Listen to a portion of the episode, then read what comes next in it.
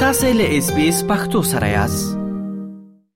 په پاکستان کې د ستر محکمې یو تکړه وکیل او سیاستوال او د بشري حقوقو فعال غړی عبد اللطیف افریدي چې په لطیف لالا باندې پیجندل کېدو د یو تند لوري د پیښور د ستر محکمې په ودانۍ کې په ډزو سره وجلې دي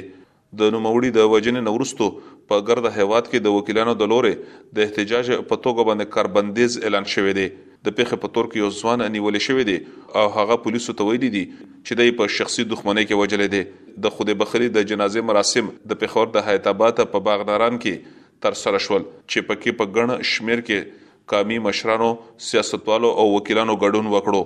د ومن ډیموکرټک ګوند مشرې عصمت شاه جهان ایس بي ایس راډیو ته په دغه موقع وویل چې عبداللطیف افریدي نه یوازې د پښتنو د حقونو لپاره غږ پورته کړی و ورسره په هیواد کې د بشري حقونو پر ځای کیدو او د اساسي قانون ترمخه په هیواد کې د دولت د نظام د چلولو لپاره د همېش لپاره کار کړی وو.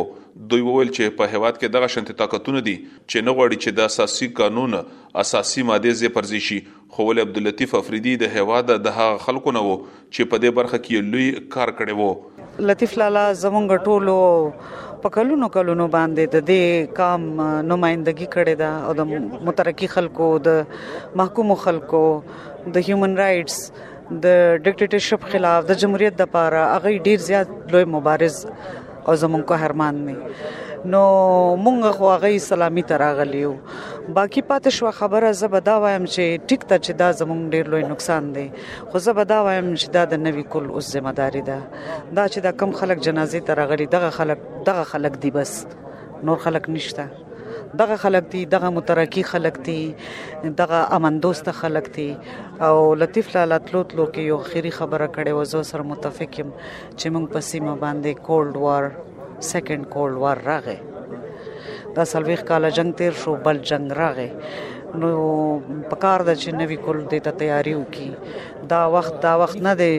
دا نن سبا ډیر زیات افسوسناک یو صورتحال جوړ دی چې هر ځوان وایي چې زه ملک نه بارزم نو دا ملک به څوک جوړي نو زه خدا وینا کول غواړم چې دا خلک چې کم ژوندۍ دي او د لالا جنازه کې ګرځي دا د دغه خلکو ذمہ داری ده چې د لالا کمکار او پیغام او زمونږ زوړ ملګری دی مونږ د ماغه لارې ملګری یو چې کوم لار د لالا لار وا او مغه لار به زمونږ لار وی چې کوم د لالا لار وا رحیم شاه افریدي په خپله باندې د سترې محکمې وکیل دی. دوی د عبداللطیف افریدي په اړه باندې وویل چې د چا به څوک نه وو نو عبداللطیف افریدي به د هغه وکالت کولو. دوی وویل چې نه یوازې دوی په قانوني چارو باندې پوهه درلودله ورسره یې په منطقه کې بدلیدونکو په حالاتو باندې ژور نظر درلودو. دوی وویل چې د همیش لپاره به یې د پښتنو په سیمه کې پر ناامنیو باندې د ناخوښۍ څرګندونه کوله. لطیف لالا چې و هغه خو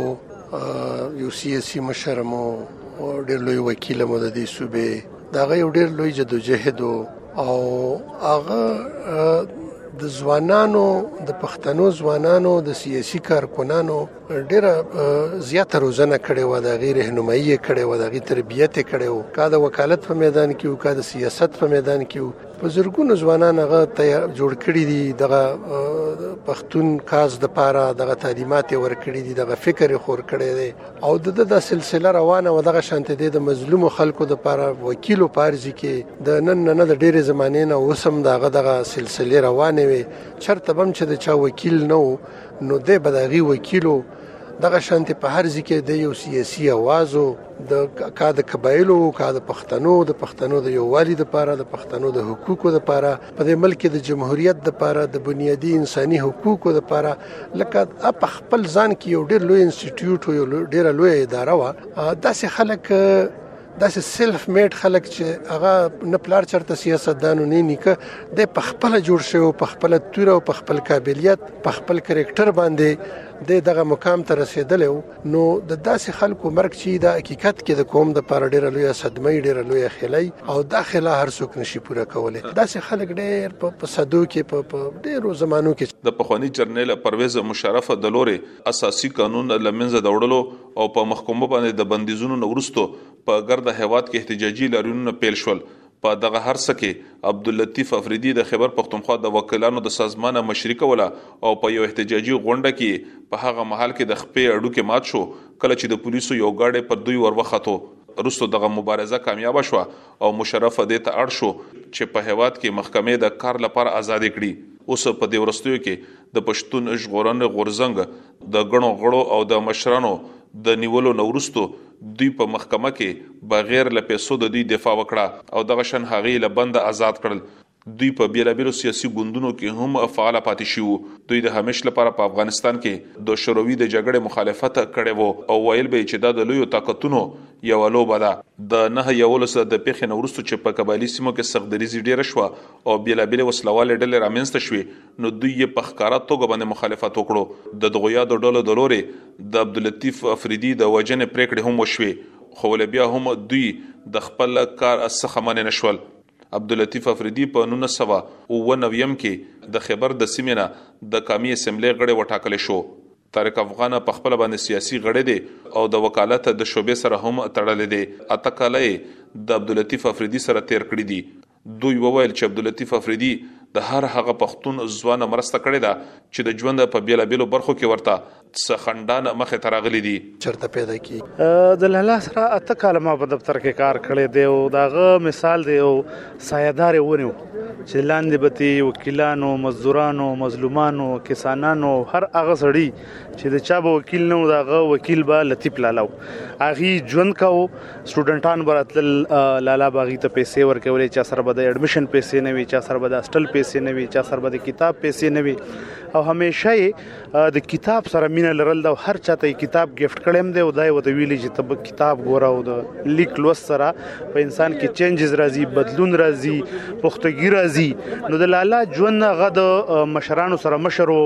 کشرانو سره کشر وو ار وخنداګان دي نه امیدي پاګه کې نه و او دا غچي سمرا سټم نه و د زړه زور چې سمرا ونه کده نن سبا لز ځوانان مونږ راټول کو دا غي په شریک د زړه دومره زور نه سمرا چې د لطیف لالا د زړه زور او سمرا چې دغه همت نو با همت شخصیت او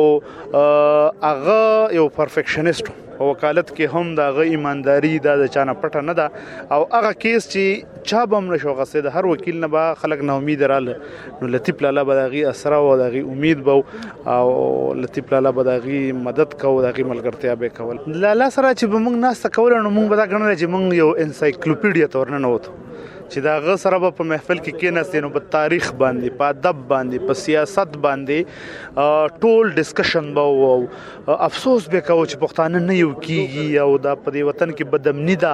نو هغه زینو بهم خودل چې د کم زینو بدمنی ده څوک په دې وطن کې ګوته وي په وسایلو باندې نو زموږ یو سیاسي استاد مو د هر سیاسي ورکر د پاره یو سیاسي استاد حیثیت هم لطیف لاله لرلو او بل هغه کې دا یو کمالو چې هغه اپروچبل د هر سړي رسه دغه ته هغه به په دفتر کې ملاوېدو هغه به په بار روم کې ملاوېدو هغه به په کور کې ملاوېدو نو چاته هغه مشکل نه و چې لطیف لالا ته ورورسي هغه به د هر چا ټلیفون وچتاو داسې یو شخصیت و چې هغه په د لطیف لالا د پای عمره کم لیډران چی کم وکیلان چی نو د عام خلکو غي ته دومره رس نه سمره چې لطیف لالا ته د خلکو رسدو زما په خیال د